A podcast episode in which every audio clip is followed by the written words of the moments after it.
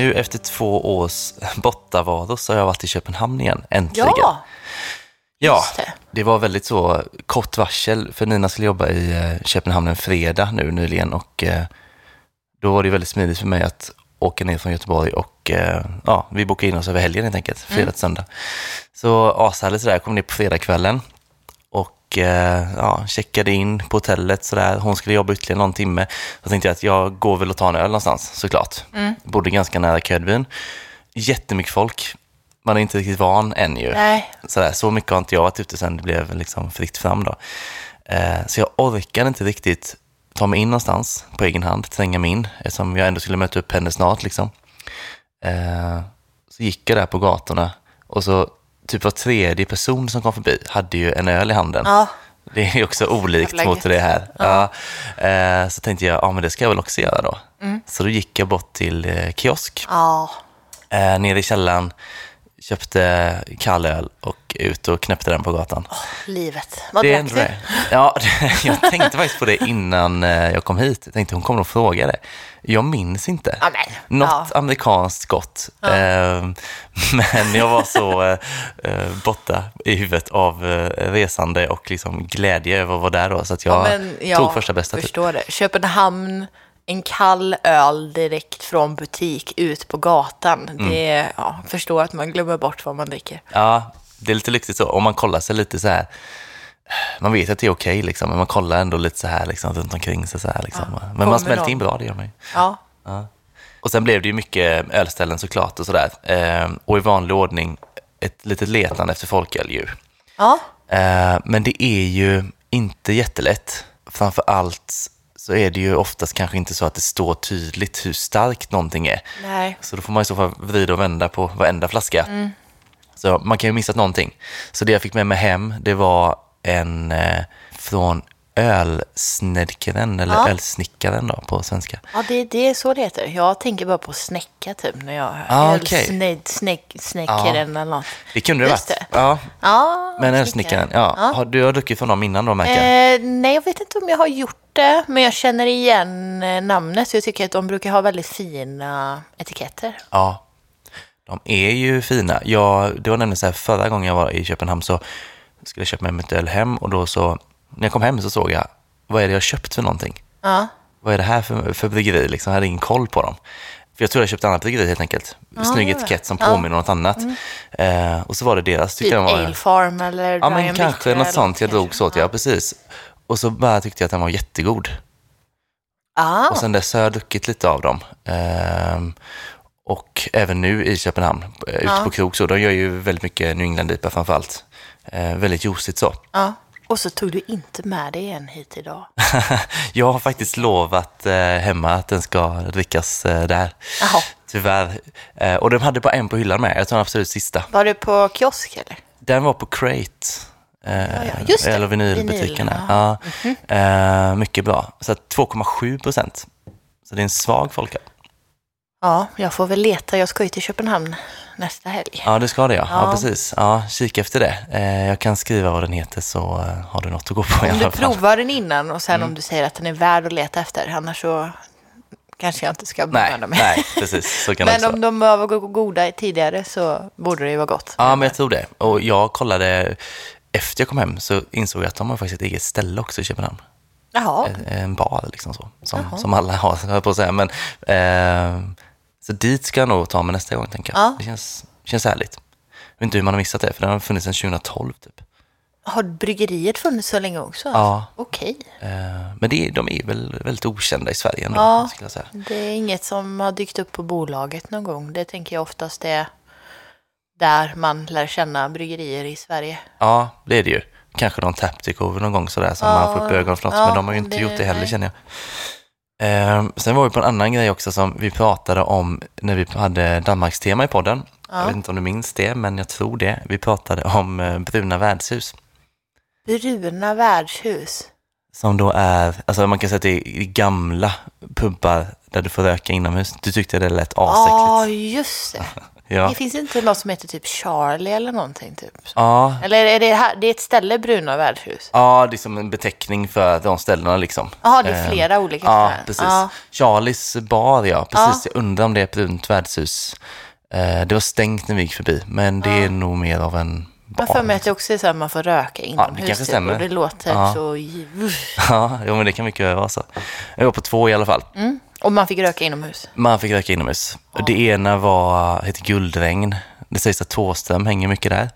Eh, och det var riktigt eh, dekadent och det var slitna människor kan man säga där Så här inne. Dekadent som är sunkigt. Ja, precis. På ett fint sätt. Nej, Nej. knappt faktiskt. på ett lite fult sätt. så, eh, och där inne var rökdoften enorm. Men du måste luktat apa när du kom därifrån. Ja, det var inte så farligt. Nej. Och sen andra stället vi var på, det var Bobi bar. Vi pratade om det i podden tror jag. Eh, mycket härligt ställe, så här glatt och gemytligt och absolut rökdoft, men inte alls på samma nivå. Det låter så bisarrt, typ. Alltså, det låter som vi pratar om en helt annan... Alltså, det är inte så långt till Köpenhamn, men att gå och dricka öl på gatan och röka inomhus. Mm. Ja. Blir bara så här... Är tillbaka rätt många år i tiden. Det är som en tidskapsel typ. Ja, Eh, ja, nej, det, det var härligt alltså. Så att, eh, jag tycker man kan testa det. Bobi bar i alla fall. Ja. Det var nog på rätt sida gränsen. kanske inte... Ja, Nej. fast det, det är mer för att jag har en tendens att, speciellt om jag har druckit också, så mår jag väldigt dåligt av cigarettrök. Så Ja. det handlar mer om det. Plus att jag tycker att man luktar apa. Ja, det Det finns ju en sätter risk. sig väldigt snabbt i. Om man har långt hår eller tjockt hår så sätter det sig mycket i håret också. Och då känner man det typ hela tiden. Mm. Ja. Eh, så ja, men jag, om folk vill röka inomhus så gör det, fine. Det är Mm. absolut... Ja, För en rökare kanske det är ett jättebra ställe. det tror jag säkert. Slippa sitta ute och frysa. Ja, Ehm, annars måste jag bara säga att ölbaren har jag inte varit på några gånger när jag varit i Nej, jag har Köpenhamn aldrig hört talas om. Ja, men det är den med, det står bara öl i neonskylt utanför. Kanske du har sett den skylten? Eh, ja, det har Mm. jag. I Köttbyn?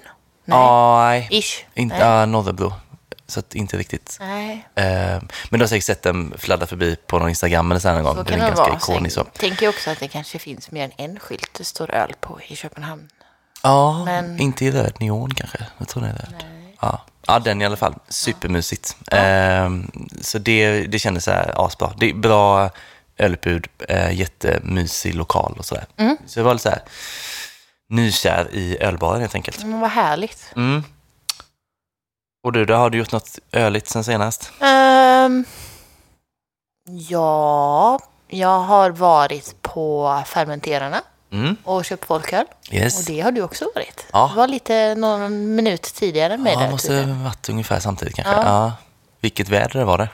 Ja, jäklar. Jag fick ju skjuts ut så att Ja, jag det hade det bra Mm. curlat för mig. Ja, det hade du. Jag åkte färjan ut. Det var ganska... Oj, oj. Ja. ja. Nej, men eh, de har ju öppnat eh, folkölsshop. De Mm. kommer ju ha öppet, när det här släpps, så kommer de ha öppet helgen efter. Den 30-31, Mm. fredag, lördag. Ja. Och sälja folköl igen då. Ja. Eh, direkt från bryggeriet. Eh, och massa annat så här merch, t-shirtar och Mm. planscher och mössor och grejer, kepsar. Eh, supernice. Verkligen. Fyra olika folköl. Mm. Jag köpte ju ett helt flak. Ja, det var snyggt. Då fick du en t-shirt. Ja, Ja. det är med. Nice. En folköls eh. Ja. Det är min andra folköls t-shirt, förutom våran. Just det. Ja, men precis. Ehm, men, och det var lite så för att jag hade bestämt mig typ att jag skulle ha fyra av varje. Och så stod jag där och bara, det blev ändå ganska mäckigt att bära Mm. 16 öl. Det var nästan bättre att Ja. köpa 24. Mm. Och sen har jag liksom, det går ju åt. Ja. Nu har jag inte provat alla. Och det är lite det, vi kan ju säga det med. Eh, temat idag i podden är ju att vi ska prova alla Ja. de här fyra vi har köpt från fermenterarna. Exakt. Så det blir huvudtemat. Och det Mm. är tre suröl och en IPA. Yes. Så mina, alltså, jag tänkte ju från början det här kommer vara bra öl, det kommer gå åt. Så att jag Ja. var inte orolig över att köpa sex av varje. Exakt. Att det, och sen har jag, det är bra för andra som kanske tycker att det är mäckigt att ta sig ut till Hisingen. Så har Mm. jag ju också köpt åt kompisar liksom, Ja. som har kunnat få och så också. Schysst. Ja. Ja. Eh, vet du vad jag mer har gjort, känner du? Nej. Jag har köpt biljett till All In Beer Fest. Ja, jag tänker att jag ska stretcha det till efter lönen eftersom Mm. jag ligger tight nu eftersom jag ska på till Köpenhamn Mm. en hel helg. Ja. Och det är inte billigt att dricka öl i Köpenhamn. Påstår jag, du som var där. Men, eh, Ja, alltså så här, svenska kronan är ju lite kass. Ja. Så. Men eh, jag upplevde ändå att det var ganska likt som här, totalsumman till slut då. ja. Men det är inte billigt här Nej, heller, är så inte, att säga. nej, exakt. Och en hel helg så... Ja, det kommer gå pengar. Det kommer gå pengar, så jag försöker att jag... Jag hoppas det borde finnas biljetter kvar den 25 oktober. Mm. Då tänker jag att jag köper, slår till då. Ja. Nu har det kommit en, eh, en spelning samma... Jag tänkte att på All In Beer Fest jag ska köpa båda passen. Mm. Nu har det kommit en, dykt upp en spelning jag vill gå på på fredagen. Men jag hoppas jag kan kombinera det hela. Då får jag det bästa. För både arg musik, livemusik och en ölfestival på samma dag. Då är det så här Ah. peak. Jag vet inte om jag är redo för så mycket bra grejer på samma dag. Nej, gud. Nej. Men eh, ja, Ja, mycket att ta in. vilket pass... Eh, Lördagen ska jag gå. ja, Mm. Så det ska bli himla kul. Ja. Det, det ser mycket fram emot.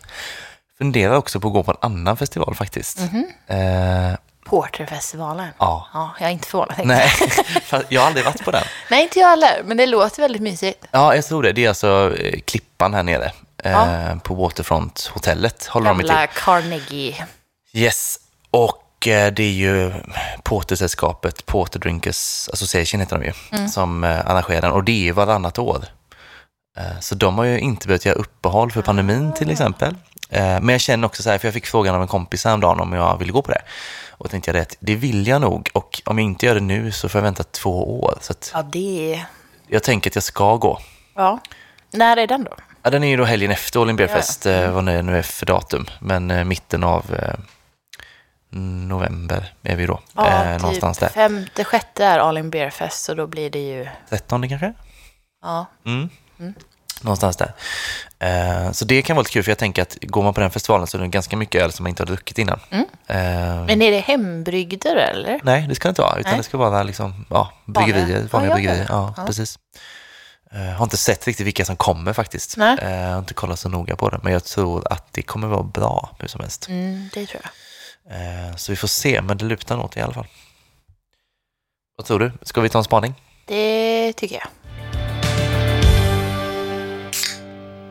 Vi har ju redan pratat ganska mycket om Köpenhamn idag. Och i dagens spaning så tänkte vi att vi ska prata mer Köpenhamn. Eh, Och specifikt eh, Mikkeller och MBCC och vad som just nu eh, är eh, världens storm kring det här bryggeriet och den här festivalen.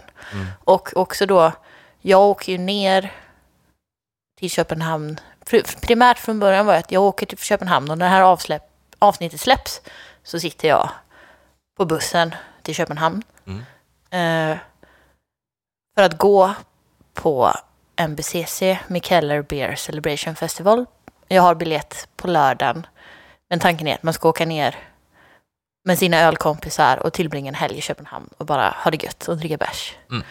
Ehm, och nu då den senaste veckan, de senaste dagarna, så har det blivit en ganska stor eh, anstormning av, eh, alltså man kan säga en bojkott av festivalen. Eh, och det här, det här är ju ganska komplicerat att rodda i och vi ska försöka, alltså man kan ju prata hur länge som helst om det här och man kan gå djupt. Men vi vill inte att det här ska bli ett tre timmars avsnitt och eh, så vi ska försöka hålla det hyfsat. Mm. Eh, vi kan inte gå hur djupt som helst. Nej. Men om man börjar från början så börjar man med att det i våras, och det här har vi ju pratat om i ett tidigare avsnitt, Eh, via Instagram-kontot Ratmagnet, Brian, eh, startades ett eh, uppror kan man väl säga, som ett metoo eh, inom ölvärlden, där massa, alltså både kvinnor men en del män också, eh, vittnade om, det kom ut massa berättelser kring eh, hur man har blivit diskriminerad på olika sätt inom branschen och blivit illa behandlad på sin arbetsplats och sånt. Eh, och många av de här historierna rörde Mikkeller. Och det är väl där allting började i stort sett. Eh, och sen var det väl nu i somras som det dök upp en artikel på en sida eh, som heter typ Good Beer, Goodwill Beer Hunting eller någonting. Där det var eh, fyra tjejer, tror jag det var, från Mikkeller som vittnade om, och det var tre av dem jobbade i, på Mikkeller i San Diego. Eh, och en var från Warpigs i Köpenhamn då. Eh, som eh, gick ut och vittnade då liksom med eh, sitt namn och så. Eh, kring deras upplevelser på deras arbetsplats. Och det var inte jätteroliga grejer att läsa om. Nej. Ehm, och efter det så har det liksom, man kan väl säga om man har följt det här, vilket jag har gjort lite, så har det ju fortsatt liksom, alltså dels uppmärksammas problematik kring liksom ah, Mikkeller som arbetsplats kan man väl säga. Och det handlar liksom både om sexism och rasism och homofobi och liksom transfobi och ganska mycket problematiska och på vissa ställen bara Alltså säkerheten på arbetsplatsen har också varit undermålig. Så det har varit mycket problem kring Mikkeller. Men de har liksom inte kommenterat det. Nej. Det är väl där kanske problemet har legat mycket. Ja. Och så finns det en tjej och ett Instagramkonto som heter Fanny Vandell. Och om man vill läsa mer om det här och så, så kan jag rekommendera att man går in på hennes sida och läser fanny.vandell på Instagram. Då har man några timmar kan jag Ja, säga. det är mycket, mycket, mycket info kring allt som rör Mikkeller. Men även, jag kan säga, om man inte bara hänger ut Mikkeller så finns det även andra bryggerier som Brewdog till exempel. Som har en problematisk kultur på, i sitt bryggeri. Men om man fokuserar på Mikkeller i- och MBCC idag då.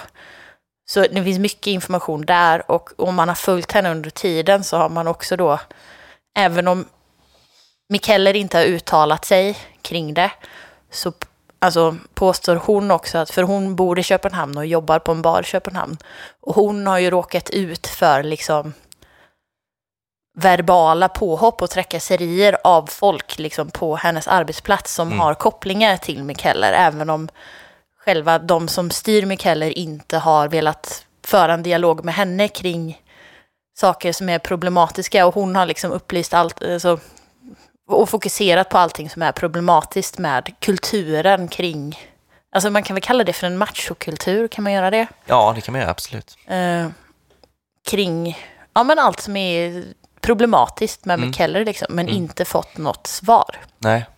Nu känns det som att jag bara pratar här, men jag... Ja, men det var jättebra bakgrund. För det är mycket så att ta in. Och jag tänker så här, följer man inte det kontot och så finns det ytterligare Nej. två konton. Eh, Jag måste säga, vi pratar om Rat Magnet mm, och så Fanny Vandell. Och sen kan man väl säga att Rat Magnet är ju en, eh, hon Briennes privata konto. Och man kan säga att det mesta av det arbetet har tagits över av, jag tror att den heter Embold and Act Advance eller någonting. Mm. Där det fortfarande idag med speciellt mycket fokus kring amerikanska bryggerier mestadels och den problematiska kulturen på Mm. bryggerier i USA ja. om man vill bli insatt i det. Precis. Sen finns det artiklar att läsa på Beer News ja, eh, också. Det så det. det, men jag tror verkligen det är att, eh, bra med bakgrunden här. För att som sagt, följer man inte kontona så har man liksom inte riktigt den kollen kanske. Nej. Och det tar ganska lång tid. Alltså jag satt flera timmar Ja. för någon natt sen här och bara kollade på stories. Det finns ju hur mycket som helst. Liksom. Ja. Så det tar, skönt att få en snabb version ändå. Ja, men så. Och så om man då tar det upp fram till idag då, så har ju äntligen då MBCC som har varit, det har blivit framflyttat och framflyttat på grund av corona i ett och ett halvt år. Jag köpte min biljett för två år sedan eh, nu, eh, väntat på det här. Och nu i helgen då så presenterades alla bryggerier klara. Eh, 112 bryggerier.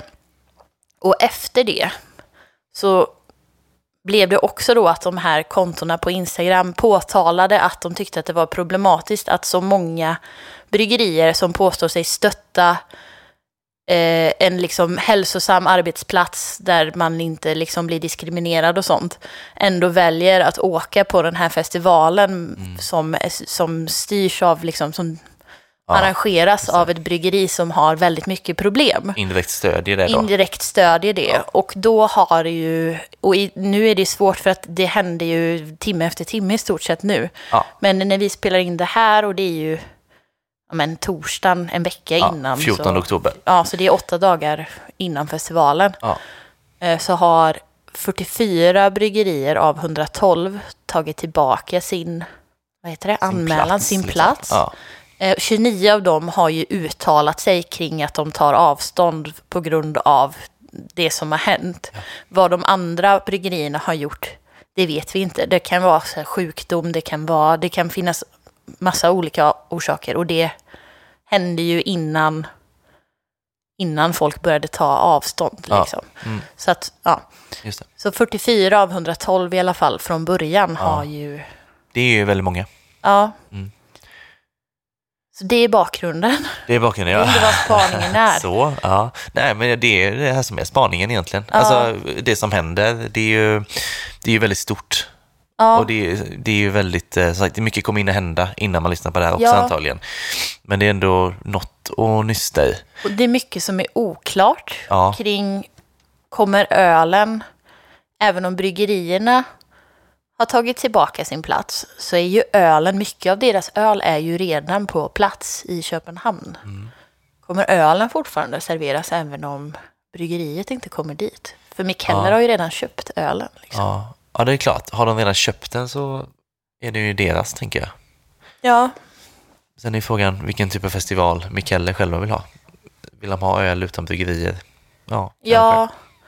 ja, det finns många liksom sidor och vrida och vända på det här. Och hade det funnits ett, enkelt sätt att ställa sig till det här så Ja. hade det ju varit enkelt. För mig är det ganska komplicerat att ta ställning. Sen kanske man inte behöver ta ställning heller. Men det är väldigt många som väljer att ta ställning just nu. Mm. Alltså från bryggerier. Ja. Så att det blir mycket diskussion kring vilken sida man ska stå på. ja, men precis. Alltså, jag vet inte, jag kan väl förstå alla sidor på Ja. sitt sätt. För de som väljer att inte åka, alltså jag, jag tycker att det är bra att ta ställning och inte åka. Det Mm. tycker jag. För alltså det krävs ju lite markeringar från branschen för att branschen ska ändras. Mm. Ja. Så tycker jag ju. Ja. Och sen de som väljer att åka, ja, alltså det har ju varit bestämt jättelänge. Ja. Och nu är det kort varsel, mycket att ta ställning till. Så det är svårt att liksom blamea dem för hårt kan jag tycka. Ja, men precis. Och man läser, de flesta som har gjort uttalanden om att de eh, tar tillbaka sin liksom, plats, de säger ju i stort sett samma sak, att de inte vill stötta en, en dålig kultur och Ja. så vidare. Men det finns också de som har uttalat sig varför de kommer att komma. Eh, Och de tycker jag också har ganska bra motiveringar. Och det är också ett väldigt mycket mer personligt resonemang Mm. bakom varje bryggeri som väljer att stanna kvar och delta. Mm. Eh, Så att jag tycker inte heller att man kan döma Nej. dem heller. Jag tycker att det finns, alltså de pratar om hur mycket förändring det kommer att skapa och liksom var man gör mest nytta på plats eller Mm. Genom att ta avstånd. Jag gillade ju annars de här, eh, det var väl åtta engelska bryggerier Mm. som, liksom, vi kommer var ju deras budskap. Mm. Fast då hade de krav på Mikeller. Det var att de skulle bland annat då ha ett, eh, ett möte, Mm. bryggerierna, under den eh, festivalen. Och bjuda in folk och sådär också, så man skulle hitta lösningar eh, Mm. och hur man skulle göra, jobba framöver i branschen då. Mm. Eh, men de drog tillbaka det va? Ja, mindre än 24 timmar efter att de gick ut med det här gemensamma uttalandet så drog de ju tillbaka det. Ja. Och som jag fattar det av de jag har läst så var det ju... De hade ju tanken i att, det, att liksom, för det här skulle ändå vara en mötesplats för bryggerier från hela världen. Men nu när så många har dragit tillbaka det så blir det liksom, då kanske det är bättre att föra den här dialogen i ett annat forum än på festivalen. Liksom. Ja, Och Mm. att då välja, sig, välja att ta avstånd från Mikeller. just det. Ja. Eh, som jag fattade det då. Ja, alltså man undrar ju också liksom hur, hur hårt det kommer slå mot Mikeller. Jag Ja. tänker festivalen nu blir ju inte som de har tänkt sig. Eh, men sen är det liksom ryktet som de får framöver. Mm. Eh, för om det är så här många bryggerier som också drar sig ur och så, Mm. det, kommer ju liksom, det känns som att annars vill alla göra samarbete med Mikkeller och så Ja. vidare. De är ändå det namnet liksom. Eh, om det kommer bli tuffare för nu och så liksom kommer från en pandemi också och sådär. Eh, att det liksom blir fortsatt jobbigt för dem. Ja, det är svårt att säga för samtidigt, det är ju ganska få i procent räknat som känner till det här, som dricker deras öl antar jag. jag tror det. Och sen om man då ska ta, nu låter det här hårt, men jag personligen är inte så intresserad av Mikellers öl, för den är inte så spännande. Nej. De gör jättebra folköl tycker jag, och alkoholfritt. Ja. Men deras starköl som antagligen är majoriteten av det de tjänar pengar på, Ja. intresserar mig inte för att det är inte så bra. Eller Nej. låter det hårt, men det är inte så intressant att det liksom Nej. Nej, men precis. sticker ut för mig. Liksom. Nej. Eh, men jag tycker att det är svårt, speciellt som konsument. Och där är ju också en dialog i hur man ska ta ställning som konsument. Typ. Mm. I att, och många av bryggerierna som väljer att stanna eh, pratar ju också om det att liksom det som drabbas hårdast är konsumenterna som någonstans här kanske då målas upp som oskyldiga offer i det här. Ja. För att jag menar folk har ändå alltså, betalat resa, hotell och köpt de här biljetterna och du får ingen refund på de biljetterna som ändå kostade, jag tror jag, det är 600 kronor minst tror jag, för Ja. biljetten 700. Mm. Så att man ligger ute med mycket pengar. Och då de bryggerierna som har valt att stanna har valt att, ta liksom, att tänka på konsumenterna. Mm. Sen är det den frågan med som konsument, att göra medvetna val så kanske man ska välja att inte gå dit heller. Och jag kan ju bara säga, om jag sa ju det här till dig innan vi spelade in idag, och det låter så jävla fånigt. För jag har ändå liksom kanske aktivt hållit mig undan från att liksom eh, ja, men, göra reklam för mikeller i sociala medier och sånt för att jag vet att vad som pågår och kanske inte velat stötta dem så. Men sen den här festivalbiljetten som jag haft i två år, jag har liksom knappt ens reflekterat över att det handlar om mikeller för att huvudsyftet för mig att åka dit är att testa massa öl från andra bryggerier Mm. och umgås med mina vänner och träffa folk som man inte har träffat på länge liksom. Nej. Så att det, liksom, det låter så jävla fånigt att det bara gick mig helt förbi. Mm. Och nu har jag liksom fortfarande inte riktigt bestämt mig för hur jag ska göra om jag ska gå på festivalen eller inte. Men Nej. samtidigt så känner jag att det spelar ingen roll, för biljetten är redan köpt, så att pengarna är redan investerade. Ja. Ja, precis. Alltså det, det är svårt. Jag tycker inte att liksom, man behöver inte känna sig dålig för om man går på festival. festivalen. Det tycker jag inte. Nej. Nej, för det är också nästa grej. Om ytterligare 30 bryggerier hoppar av, Ja, blir det någon då? för jag tänker också då att så här, ja, det finns ju fortfarande typ så här 50-60 bryggerier kvar, men Mm. Alltså jag har varit på en Mikkeller tidigare och ölen tar ju slut, Mm. även när det är över 100 bryggerier. Så Ja. att det... Ja, jag vet Mm. inte. Nej, det blir svårt att veta hur man ska tänka som konsument så. Alltså, jag har ju följt, eh, eftersom vi har haft ett avsnitt också om det i, eh, i podden, om ämnet liksom, i, eh, i våras var ju det då. Eh, så har man ju liksom följt med i det här. Då var det, upplevde jag, väldigt stort fokus på andra bryggerier. Mm. Så jag har ju säkerligen sett Mikkeller eh, liksom skymta förbi i stories och sådär. Mm. Inte riktigt eh, tänkt så mycket mer på det liksom. Alltså det var andra som var mer eh, utsatta då så att säga, eller anklagade.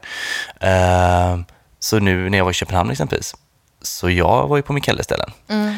Och sen så läste jag om det här dagen efter jag kom hem. Mm. Och då tänkte jag så här att, ja, alltså hade jag, fått, hade jag vetat det här innan helgen, Mm. då hade jag ju inte gått till Mikkeller Nej. faktiskt. Ehm, så det är väldigt så här liksom, den avvägningen är svår. Liksom, när har man informationen? Du hade Ja. inte informationen när du köpte biljetten exempelvis. Nej. Och det är annat för dig som ska på festival, tänker jag, för då är det ju liksom, det är det du ska göra. Jag hade ju kunnat gå till en annan pub. Ja, ja, det hade inte spelat mig så stor roll. Liksom. Nej, men och sen är det så, det finns ju fler ställen i Köpenhamn att dricka öl på, Ja, så att det är ju precis, liksom det, men ja, ja, jag får se helt enkelt. Mm. Men Det blir ju härligt oavsett att du får få komma till Köpenhamn. Köpenhamn och Jag har dricka inte- bra öl någonstans. varit utanför Sverige på två år typ. Nej, men så Eller ja, det. nej, sist jag var utanför Sverige, det var i Köpenhamn på en Mikkeller-festival. Mm, ja, det var så till. Ironiskt, i Feb- på den suröls Ja, men eh, just ute det. på, vad heter det, Baghaven, Reffen. Ja, just det. Ja, där Där ja. ute. Yes, och det var ju precis innan pandemin ju. Ja, så Det precis. var lyckat då ju. Ja, ja, ja. Men jag blir också så här, alltså av, eh, liksom, om man går in och kollar på, på Instagram-kontot mm. Fanny Wendel då, Mm. Vandel kanske? Vendel tror jag. Ja. Vandel. Vandel ja, är det. Eh, så finns det också, det är väl där det ligger videos va? Mm. Eh, där liksom, det är ju video på saker som händer liksom, i möten, Mikkelle-möten och sådär. Mm. Liksom. Och, och Mikkel himself då sitter ju med. Mm. Och det är liksom, det säger saker och gör saker som verkligen Mm. inte är okej så. Nej. Och han, eh, han gör ju ingenting för att ingripa nej, nej, nej. när det liksom gäller hans medarbetare och anställda. Ehm, så att man blir så här, de, han vet ju om hur det Ja, har varit. ja, ja. Så att, att liksom, det kommer kanske komma lite ursäkter och sådär, liksom, men det har jag lite svårt att ta in då. Och då blir jag också så här, hur kan man eh, jag har svårt att förstå att man då bygger upp ett bryggeri från grunden så. Eh, mödosamt, svårt och så blir det stort och populärt. Och så pågår den här dåliga eh, kulturen hela tiden. Då tänker jag att man hela tiden, varje dag, måste vara livrädd att det liksom kommer fram, att folk blir varse det. För någon gång kommer ju någon träda fram och säga hur det är. Ja, jo. Alltså, nu spekulerar jag ju bara här, Mm. men jag tror också typ att han har kommit undan med det så länge typ. Mm. Och att nu har jag ju, alltså, det är det här när man, man, när man inte har några personliga erfarenheter av ett möte med Mikkel. Äh, Mikkel. Jag Mm. har ju sett honom flera gånger, men jag har liksom aldrig interagerat med honom. Nej. Men i stort sett alla jag pratar med som har interagerat med honom säger ju typ att det är ju känt typ att han är en idiot. Mm. Eller men li- lite så. Douchig, Typ. Ja, kanske. men att så här, det, det inte, kommer inte som en överraskning för dem som har träffat honom. Att det är inte som att man blir chockad av att höra de här sakerna. Nej, liksom. nej, nej. Och det är väl det som kanske är problematiskt med. För det jag kan tycka är så svårt är liksom typ det skapas ett stort, man kan väl kalla det nästan för ett drev, men det är flera liksom då så här på sociala medier som går ut och så här uppmanar till att bojkotta Mikkeller. De har ju då för ett par dagar sedan släppt en, gått ut med en policy kring att de vill bättra sig och att de vill förändra sig och att de liksom har gjort förändringar i, alltså att de har sparkat folk som har varit ett stort problem av att det har blivit liksom, ja men de värsta rötäggen har de gjort sig av med då, om man ska säga så. Eh, men de tycker inte, alltså sociala medier tycker inte att det känns genuint och äkta utan det känns som en, en räddning i sista sekund för att försöka rädda festivalen. Ja. Eh, Mikkel själv gjorde ju en intervju på danska radion. ja, jag läste lite utdrag ur den. Ja, Ja. och där är det ju liksom ganska mycket så här utmåla sig själv som ett offer för att folk är ute efter honom och Ja. hans varumärke på ett sätt. Mm. Och alltså, om man då ställer sig frågan är så här, för jag kan känna så här, vad vill folk åstadkomma? Vad vill de att Mikkeller ska göra? Vad behöver de göra för att det ska vara att folk ska känna att det börjar bli bättre? För att Ja. det hjälpte ju inte med att göra ett uttalande. Nej. Eh, Men jag tror att det handlar om, och det är väl där båda har rätt och fel i att det har ju blivit någon form av så här Mikkel, det är väl inte orimligt att han blir så starkt förknippad med varumärket Mikkeller. Nej, för det vill han ju vara när det går bra så att säga. Ja. Då får han ju ta det nu Eh, också. Men det är väldigt mycket fokus på att han ska uttala sig. Och jag tror att om han hade liksom ägt och inte bara tagit på sig offerkoftan och utmålat sig själv som offret utan faktiskt typ erkänt mer ordentligt att Mm. han har gjort fel eller att det har blivit fel Ja. och visa ånger Mm. så tror jag kanske att det hade räddat lite, att det hade Ja. gjort folk lite mer jag. nöjda. För det är nog lite som du sa lite där att ehm, det känns lite som en, en räddningsplanka liksom, Ja. att göra det nu. Men Men vad, man kan ju inte göra något Nej, annat. men jag tror Alltså, att det måste gå tid också. Ja. Att man gör, alltså de måste nog liksom vara tydliga med att de gör ja, utrensning, eller vad man ska kalla det, liksom, Ja. att de styr upp verksamheten under rätt lång tid, Mm. tänker jag, för att folk ska få förtroende för det. För det, jag tänker att det räcker liksom kanske inte att, ja, nu har vi sparkat de här personerna och sagt till den här, typ. Alltså det, det är lite för lite med tanke på att de har funnits så länge. Liksom. Ja, och så här, jag menar det finns ju problem som de liksom har duckat för också. Eller för jag fick höra tidigare idag att, alltså ända alltså tills fram i sommar, somras, att om du var tjej och jobbade på Warpigs i Köpenhamn så fick du inte byta faten. Nej. Bara på grund av att du var tjej. Ja.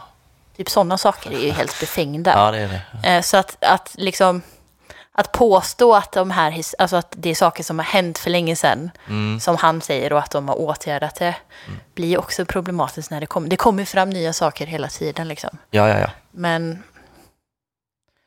man måste ju också ge folk en chans till att förbättra sig, tycker Mm. jag. Och det är väl det de bryggerierna som har valt att stanna kvar också vill tro på, Mm. att man kan bli bättre. Jo, precis. Så är det ju. Eh, Så det är väl bara upp till dem själva nu då och bevisa det. Och sagt, det kommer ju ta, det tar ju tid innan folk kommer ändra åsikt om dem. Eh, Så. Ja. så de måste ju liksom verkligen göra det här nu, ett arbete med det och göra det som sagt var långsiktigt. Sen kan man fråga hur mycket de bryr sig. Eller jag vet inte. Mikkel har ju, som jag fattat det när jag pratat med folk, så ägs, äger han bara 3% av Mikkeller i Köpenhamn. Resten är såld till så här kinesiska hedgefonder typ. Aha.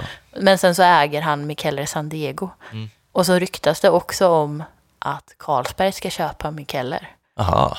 Får vi se om det går igenom. Men det är liksom jag har hört från flera håll att det ryktas om att Carlsberg ska köpa Mikkeller. Ja. Så frågan är hur mycket han bryr sig om sitt varumärke. Han har redan så här... han har ju redan sitt på det torra antagligen. Ja, men precis. Ja. Jag vet inte. Nu Oj, det bara... det är också en känslig fråga. Det ska vi kunna prata om någon gång också. Uppköp av ja, Ja, ja, hantverksbryggerier. det- har vi gjort det? Nej, jag tror inte vi har gjort det, men vi kan göra det en annan gång. För att det är också lite intressant, eh, tycker jag. Men jag tror att det blir alldeles, alldeles, Ja, alldeles för ja, mycket ja. nu då. Jag kan ju bara nämna det snabbt i att för ett av de bryggerierna som hade uttalat sig om att de ska stanna, alltså att de ska vara kvar, var Common Creatures, tror jag de heter. Mm. Och de hade också då, de hade en jättelång förklaring eh, där de också pratade om att de tidigare för eh, Beavertown, Mm. också ett, ett brittiskt bryggeri som blev uppköpta av, om det är Spendrups eller Carlsberg, eller någon större sån. Mm. De har ju också en festival och de pratar, alltså det här bryggeriet då, eh, Common Creatures, de har liksom varit aktiva och bojkottat tidigare på festivaler.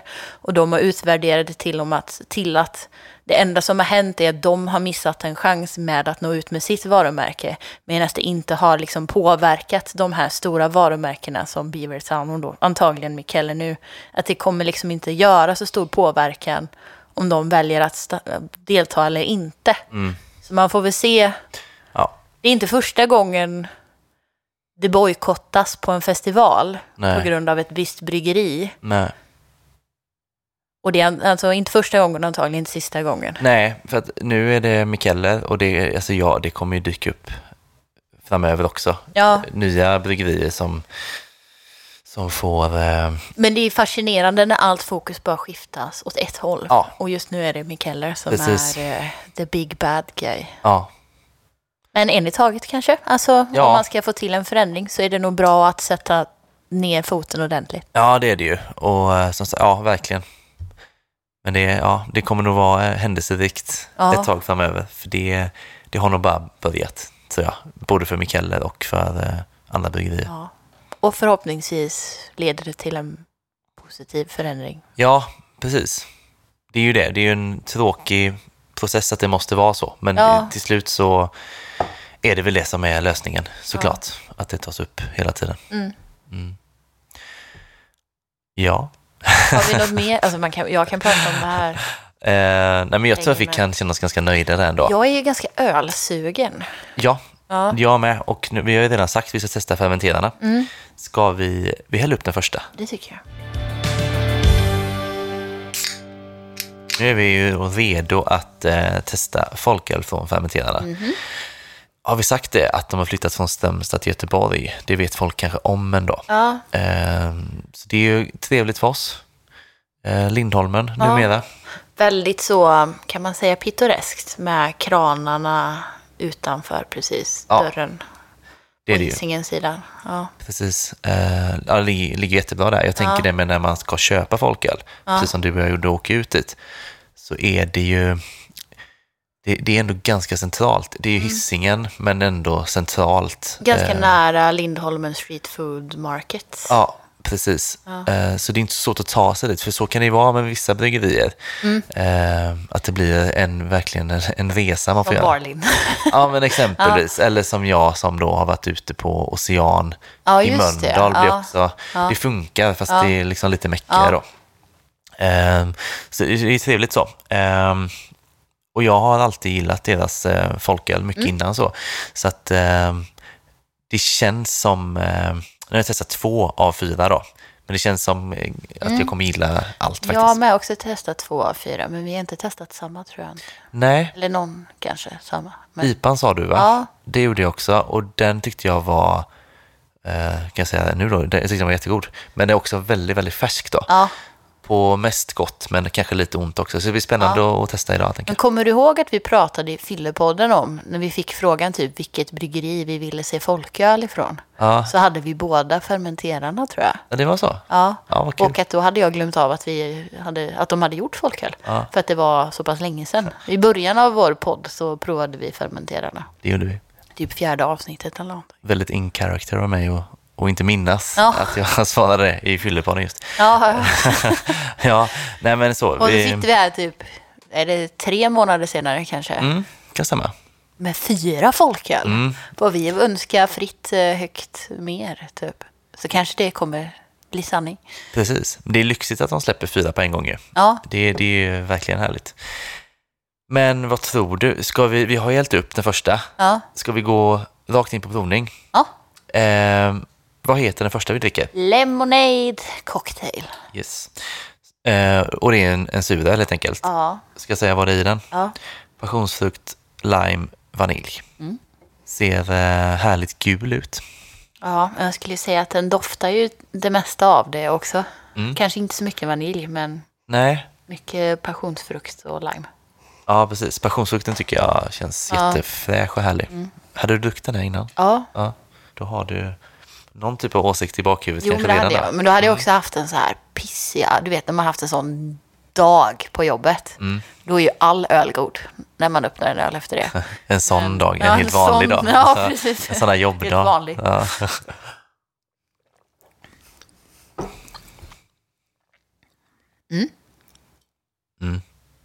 Jag tycker det är väldigt fint med vaniljen. ja, För den rundar av allting och gör det väldigt...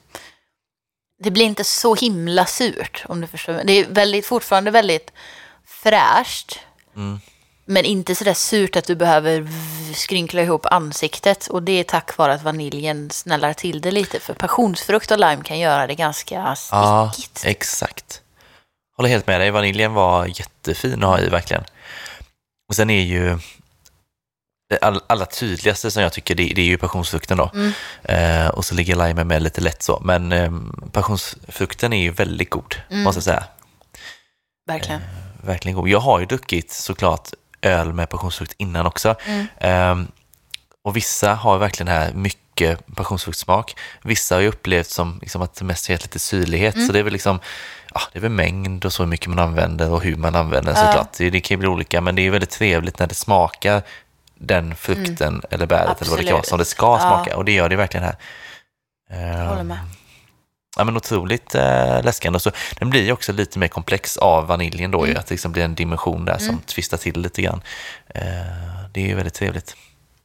Undrar om de har fått ut dem mer på andra butiker. Jag tänker att de säkert kommer finnas och köpa på lite ställen mer än bryggeriet någon gång. Finns på Glasbanken. Just det, det gör det. Och på ölkiosken då, som vi pratat, folkölsbutiken Just på det. nätet, har den också. Precis. Eh, Men jag vet inte, liksom i mat dagligvaruhandeln, heter Nej. det va? Japp. Eh, hur det ser ut där. Ica Åkered tror jag förresten. Mm. De har dem, vet Ja. jag. Eller har haft dem åtminstone. Ja. Så ja, Göteborg, Ica Åkered eller Bryggeriet. Just det. Och sen känns det som att eh, exempelvis Folk and Friends brukar snappa Ja. upp det mesta. Så man skulle inte vara förvånad om den skulle hamna där. Nej, men men, eh, det är ju mest spekulation liksom, egentligen. Ja. Ehm, är du redo för betyg? ja. Vad tänker du sätta då? Alltså, vi har ju druckit Sombrino, Duck Ponds passionsfrukt. Ja. Och den är ju en passionsfruktsdröm. Mm. Det är ju mest dominant passionsfrukt i den här. Jag tror att jag gav Sombrino 4,75 om jag Ja. inte gav den en femma. Så jag skulle ge den här 4,5. Just det. Och det är ett väldigt bra betyg. Ja, det är det. Och jag tänker lite samma banor som du. För jag tror också att jag låg så pass högt på Sombino så var 4,5 eller 4,75. Mm. Men ja, 4,5. Även jag. Mm. Eh, jättegott, verkligen. Eh, ja. E- En rolig grej med eh, deras Untapped, alltså om du ska checka in den här ölen, Mm. så står det liksom i beskrivningen så här, snälla betygsätt den här utifrån att det är folköl. ja, det är det. Ja, Mm. det tycker jag är Det kan nog eh, vara bra att ha i ja, åtanke. lite precis. sorgligt men också bra typ. Det är lite sorgligt och sen tänker jag att det inte är alltså just suröl som de har släppt Mm. mest av nu då. Hoppas och tror jag att man kanske inte behöver påpeka det Nej, på samma sätt riktigt. men det finns ju en uns, alltså en fyllighet Mm. liksom när man li- några fler procent i det. Mm. Men, och då tycker jag inte att man ska ratea den här som tunn bara för att det är folköl. Eller liksom att man, Nej, precis. För det, jag tycker inte att den är tunn, men det är klart att det liksom en starköl har lite, lite mer kropp i Ja, sig. det kommer ju med alkoholprocenten. så Det är bara så. Men det här är en solig sommardag, alltså absolut. Verkligen bra. Kall, blåsig höstdag funkar då. Ja, det gör det. Bevisligen. Ja, men vad härligt. Ja, vi tar öl nummer två. Mm. Öl nummer två är Fruity Freak. Även det är en suröl. Mm. Fruktig hör man ju på namnet. Det är alltså hallon, lime och ingefära. Mm. Vi har inte sagt det, men burkarna är ju... Eh, ja, det är burk till att börja med. Och så är det 44 centiliters Mm. burkar helt enkelt. Eh, karaktäristiska... Eh, ja, utseendet är karaktäristiskt för eh, fermenterarna. Mm. Eh, man känner lätt igen dem om man skulle se dem i en hylla bland annan öl. Mm. Den här har inte du testat Nej. och inte jag heller, så det här blir en eh, första upplevelse för båda då. Förväntningarna är ju blandade, för jag är väldigt trött på hallon, men Mm. jag älskar ingefära, så att det är väldigt så, Precis. Och den är ju Blandade. väldigt så eh, väldigt fin färg. Alltså. fint röd verkligen. Men så här, doften, hallon tar ju alltid över. Ja. Så det är ju det man känner mest. Känner du någon ingefära? Nej, jag tycker inte det, men det är väldigt sån fin hallondoft, alltså färska hallon, eh, Ja, så, inte liksom, viss hallonöl kan lukta lite unket, typ. Ja, eller alltså så, Mm. det känns väldigt färska hallon. det gör det. Smakar färskt hallon med tycker jag. Mm. Och limen kommer också fint. Lite syrligare den Ja. här. Det är ingen vanilj som bryter av helt Nej, enkelt. den här är ju mer så att man, man vri- vrider inte riktigt på ansiktet, men Mm. jag tror är limen gör att det, att det vattnas i munnen efteråt. Mm. Är du med på, eller för mig blir det så att det nästan Ja, precis. ökad saliv. Ja, jo men verkligen. Och ingefäran, alltså jag, jag känner den lite lätt sådär. Ehm, men den är ganska snäll. Jag vill känna den, Mm. men jag... Kanske att det finns en lite så här kryddighet i det. Lite, lite sting så. Ja. Men den är inte, den försvinner också lite grann i eh, det sura. Mm. Jag hade gärna sett mer ingefära, Ja, tänkte jag. Men eh, ja, ja, precis. Ja, kanske för min del med ja, faktiskt. Men eh, jag som inte är trött på hallonsuröl tycker Mm. att eh, hallonsmaken var väldigt god och ändå så är liksom att det inte bara är hallon. Man känner att det är Mm. lite mer smak i den som ger lite mer komplexitet då. Ingen single fruit liksom. nej, men det här är också på den så här fina delen av hallonsuröl som jag kan uppskatta på något sätt. Det blir lite sådär, lite hallonsoda och lite hallonsylt typ. Det är väldigt fräscht, Mm. tycker jag. Helt klart. Vad tycker du betygsmässigt då? Vad ska den få? Min magkänsla säger fyra. Fyra säger du ja. Jag tror att vi är väldigt eh, överens även här faktiskt. Mhm. Eh, jag tycker också fyra, alltså, jag ty- tycker den är jättegod. Mm. Eh, till skillnad från förra så liksom, där kanske man mer kände alla komponenterna på något vis. Mm. Eh, här blir det eh, mycket fokus hallon Mm. och lite mindre av allt annat. Så, så att det, är nog det som gör det för min del. Liksom. Eh, men en stark fyra, Mm. det är väl toppen. Nu ska vi bryta av med en IPA. Ja. Vi häller upp den också. Tredje ölen idag är Heliantus Oat Cream IPA. Precis, citronmusik ska det vara i den. Ah, ja. Det är väl en kombo som man gillar. En vinnande kombo. Ja. Så första IPAn helt enkelt eh, i folköl överhuvudtaget för dem skulle jag säga. Ja. Eh, Jag, jag tror inte att jag har druckit en Oat Cream IPA, folkölsvariant tidigare.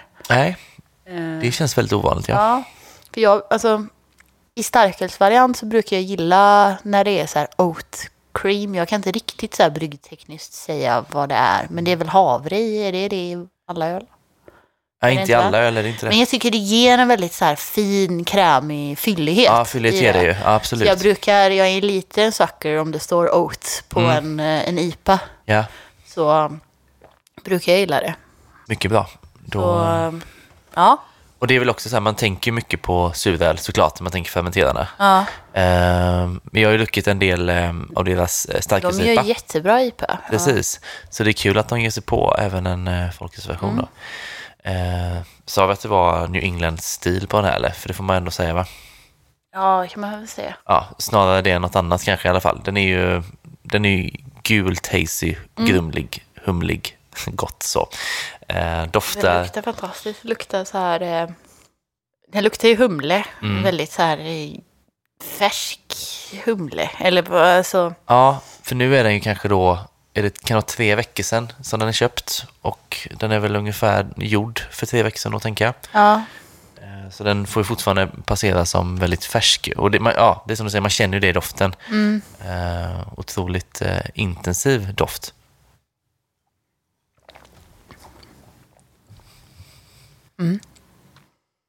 Det blir ju väldigt lent och fint och en bra mun... Eh, det är bra fyllighet i det. Det är det verkligen. Ja. Sen har den här, nu pratade vi om i, i lageravsnittet så pratade jag mycket om det här med vetekornen, Ja. de här färska vetekornen. Mm.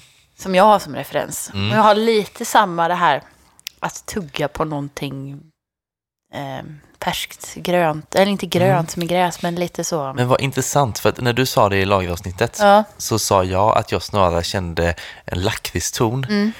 Och det så att jag tänkte på nu, att jag kände en lakritston. Ja, och du känner ja. fortfarande din vete, Mm. så det är samma ton där. ja, Mm.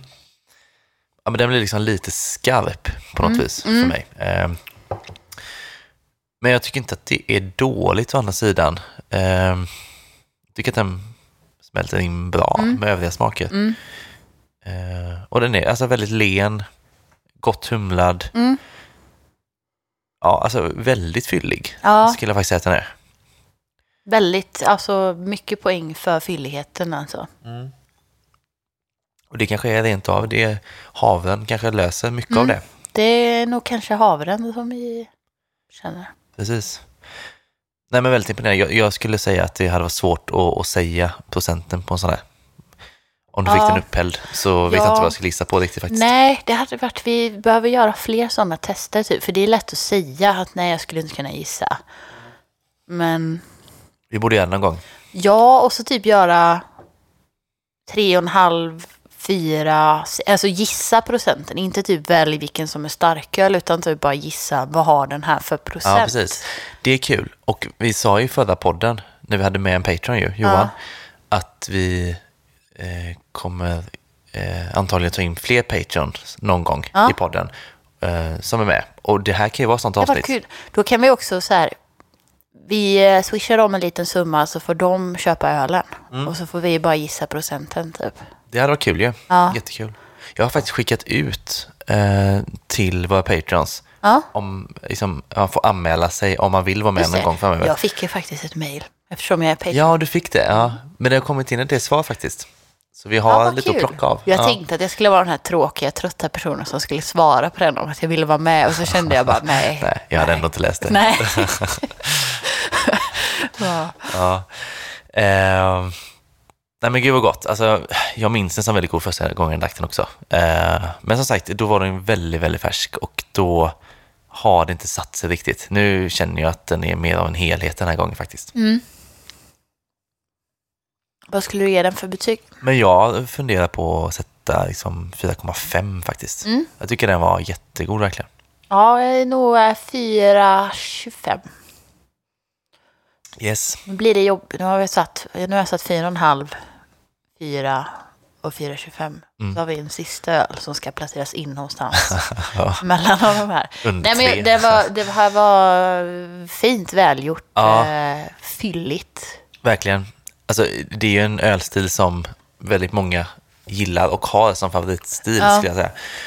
Och vill man då testa att dricka eh, riktigt bra folköl Mm. inom stilen så är väl det här ett supertips då. Ja, Och då är väl Glasbanken exempelvis, ja. klicka hem. Mm. Ehm, och ölkiosken fortfarande Precis. har den också. Eh, ja, verkligen. Det känns som en, det är en så här, mångas favoritstil och så när det kommer till folköl så är det väldigt stor risk att man blir besviken för att Mm. man har förväntningar. just eh, fylligheten Ja. kanske man blir lite Och så den på. här tror jag faktiskt, den ligger ju liksom i klass med Stigbergets Babymås och de riktiga humlebomberna. Det den Ja. verkligen. Ganska nära Amazing Haze eller? Ja, skulle jag kunna säga. Och ehm, Beer Week. Vad heter han? Heter han Beer Week? Stigbergets... Iconic. Iconic ja. Ja. Heter det. Yes. Ja, där ligger den. Ja. Är det laktos i den här? Ja, det är det. Det Ja. förklarar saken. Ja, precis. Ja. Då har den ju Iconic. Mm. eh, Ja, det är Iconic. Det är ganska likt Iconic. Ja, det får Ja. man. Ja, bra liknelse. Ja. Ja, jag tänker vi tar någon mer sipp, men vi eh, häller också upp eh, sista ölen. Sista ölen. Så, sista folkölen upphälld. Nu är det In the Darkness, också en suröl. Så nu är vi tillbaka på det sura. Eh, blåbär, björnbär, svarta vinbär och vanilj. Mhm. Eh, väldigt djupröd färg. Ja. Ser väldigt fin ut. Skummet också fint tycker jag. ja, jättefin. Ser ut lite som eh, svartvinbärssaft liksom sådär, kan jag tycka. Ja, Man känner ju bären.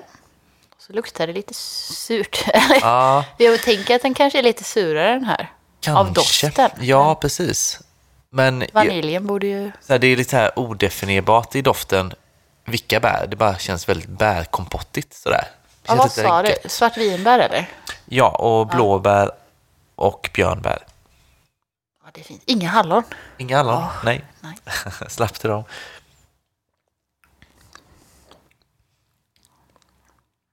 Ja. Det var som att äta en hel skog. Ja, Det var fint. det var jättegott. Det, är den här har jag ju druckit innan då. Ja, just det. Jag tyckte då och jag tycker nu att den är väldigt god.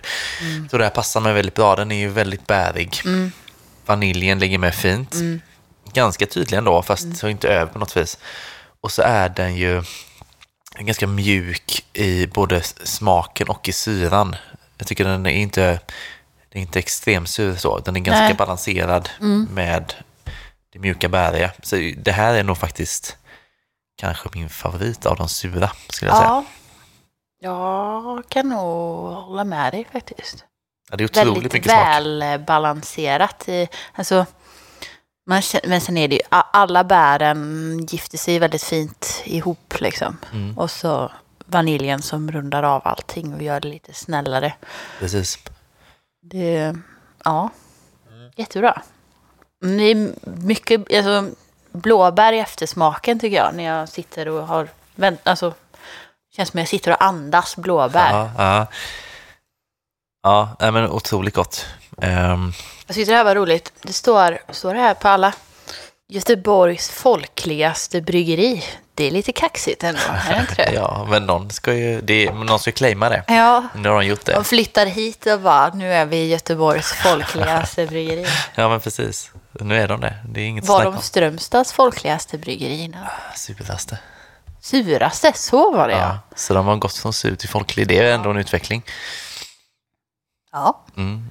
Så vad det blir nästa gång de flyttar. de är ju ganska folkliga skulle jag säga. Det är Det många man som tycker om dem. Verkligen. Eh, och det är ju tydligen inte så konstigt med tanke på våra betyg idag då. Vad tycker du för betyg på den här sista nu då? Alltså om jag satte fyra och en halv på den första så måste jag, eller jag tänkte säga måste jag sätta, men jag sätter 4,75 på den här då. Mm. Och det blir exakt samma för mig då. Mm. För det jag tycker att det är den bästa. Eh, väldigt bra och eh, ja, 4,75. Extremt hög nivå, alltså supernöjd Ja, med alla. Allt är över fyra. Ja. Och det mesta är högre än så. Mm. Eh, så det är väl en stor rekommendation helt enkelt. Ja. Att försöka få tag på det. Eh, så köp den du ser. Ser du alla, köp alla. Så Ja. kan man säga. Ska vi eh, avslöja vår lilla Patreon-tävling nu eller? Ja, vi försöker ju måna, värna om våra Patreons lite grann. Ja. Eh, så ja, precis. Dags för en tävling igen. Du får jättegärna avslöja den. ja, nu har vi suttit här och hypat upp den här ölen och sagt var man kan få tag på den. Men man kan ju också då ha en chans att vinna alla fyra om man blir Patreon. Precis. Så om du är Patreon så är du redan med i utlottningen och är du inte Patreon så kan du bli det. Och då vinner du så får du alla fyra hemskickade. Eller hemlevererade beroende på var du bor kanske. Mm. Precis. Kommer på post eller hämtas upp eller lämnas av. Ja. Vad man vill helt enkelt. Men eh, en av varje, precis som vi har druckit nu. Mm. Det är ju ett eh, väldigt bra pris. Ja, verkligen. Eh, då har man en fin kväll framför sig. Ja. Eh, som du sa, bli Patreon. Du går in på patreon.com, p-a-t-r-o-n.com eh, och så heter vi Folkpodden, man söker på det. Och så trycker man på Become a Patreon, följer stegen och fyller i sina uppgifter då. Eh, 10 kronor betalar man per månad eller mer om man skulle vilja det, kan man höja upp det. Ehm, och för att vara med i tävlingen då, vi måste ju dra repet någonstans. Så 27 oktober har jag kollat upp att det är dagen innan vi spelar in nästa podd. Ja, ja. 27 oktober. Ja. 27 oktober är ett, minne, eh, ett, ett datum i minnet. Ja. Då är man med. Eh, Gör vi en sån old school lappdragning på... Mm. Det kommer det bli. Det har funkat bra hittills. Ja. Verkligen. Det är ingen som vunnit två gånger heller än så länge. Nej, och mitt namn har aldrig blivit draget heller. Nej, Nej. det har det faktiskt inte. Ehm, så, och förutom att få med tävlingen då, man får ju mer poddmaterial ska vi säga också av vara Patreon. Så man får ju alltid eh, någon typ av Mm. fördel. Och det kommer ju också varannan vecka mot när vi släpper avsnitt. Så Yes. man får ju höra oss varje vecka. Exakt. Eh, och sen blir vi väldigt glada när folk blir Patreon också. Vi fick faktiskt en Patreon nu medan vi spelade in. Mm. Ja. Eh, bara det, plingade till telefonen. Eh, kul om det är Det- den personen som vinner ölen kanske nu då. Ja, väl investerade pengar. Det får man verkligen säga. Ja. Eh, och sen har vi våra tygpåsar med. Om man skulle vilja ha något snyggt och bra att- att bära sina bärs i så kan man köpa Följdpodden tygpåse. Eh, om man inte är Patreon kostar de 120 kronor för en, 200 kronor för två. Patrons betalar 80 kronor för en och 150 för två då. Eh, så det är ytterligare en fördel med Patreon. Men typ så. ja, Eh, 27 oktober upprepar vi igen då. Sista datum att bli Patreon. ja. Ska vi tisa om idag? Ska vi prova en, eh, en öl när vi spelar en Patreon? Och prata lite mer? En spaning till? Mm, Vill man veta mer så kanske man får bli Patreon och Mm. lyssna. precis. Men det är det vi brukar göra. Vi brukar prova mer öl och vi brukar prata lite mer fritt kanske. Ja, det tror jag. Eh, där kommer det fram vilka vi verkligen är. Så att Ja, säga. men det, fått höra det det, av andra som lyssnar som är Patreon. Ja. Att det känns mer avslappnat. Ja, jag tror det. Ja. Det är för att jag är halvvägs hem också. I, Ja, i tanken. mentalt. Ja, mentalt är det. ja, nej men det brukar vara jättemysigt. Ehm, så det blir kul att spela in det alldeles strax. Mm. Men vi ska väl bara säga att vi har en tappet också. Skickar in alla de här ölen med betyg. Jajamän. Folkpodden heter vi, så det är bara att bli vän med oss där. Eh, och sen så tackar vi Hannes för att han klipper. Vi tackar John för introlåten. Och vi hörs om två veckor igen. Det gör vi.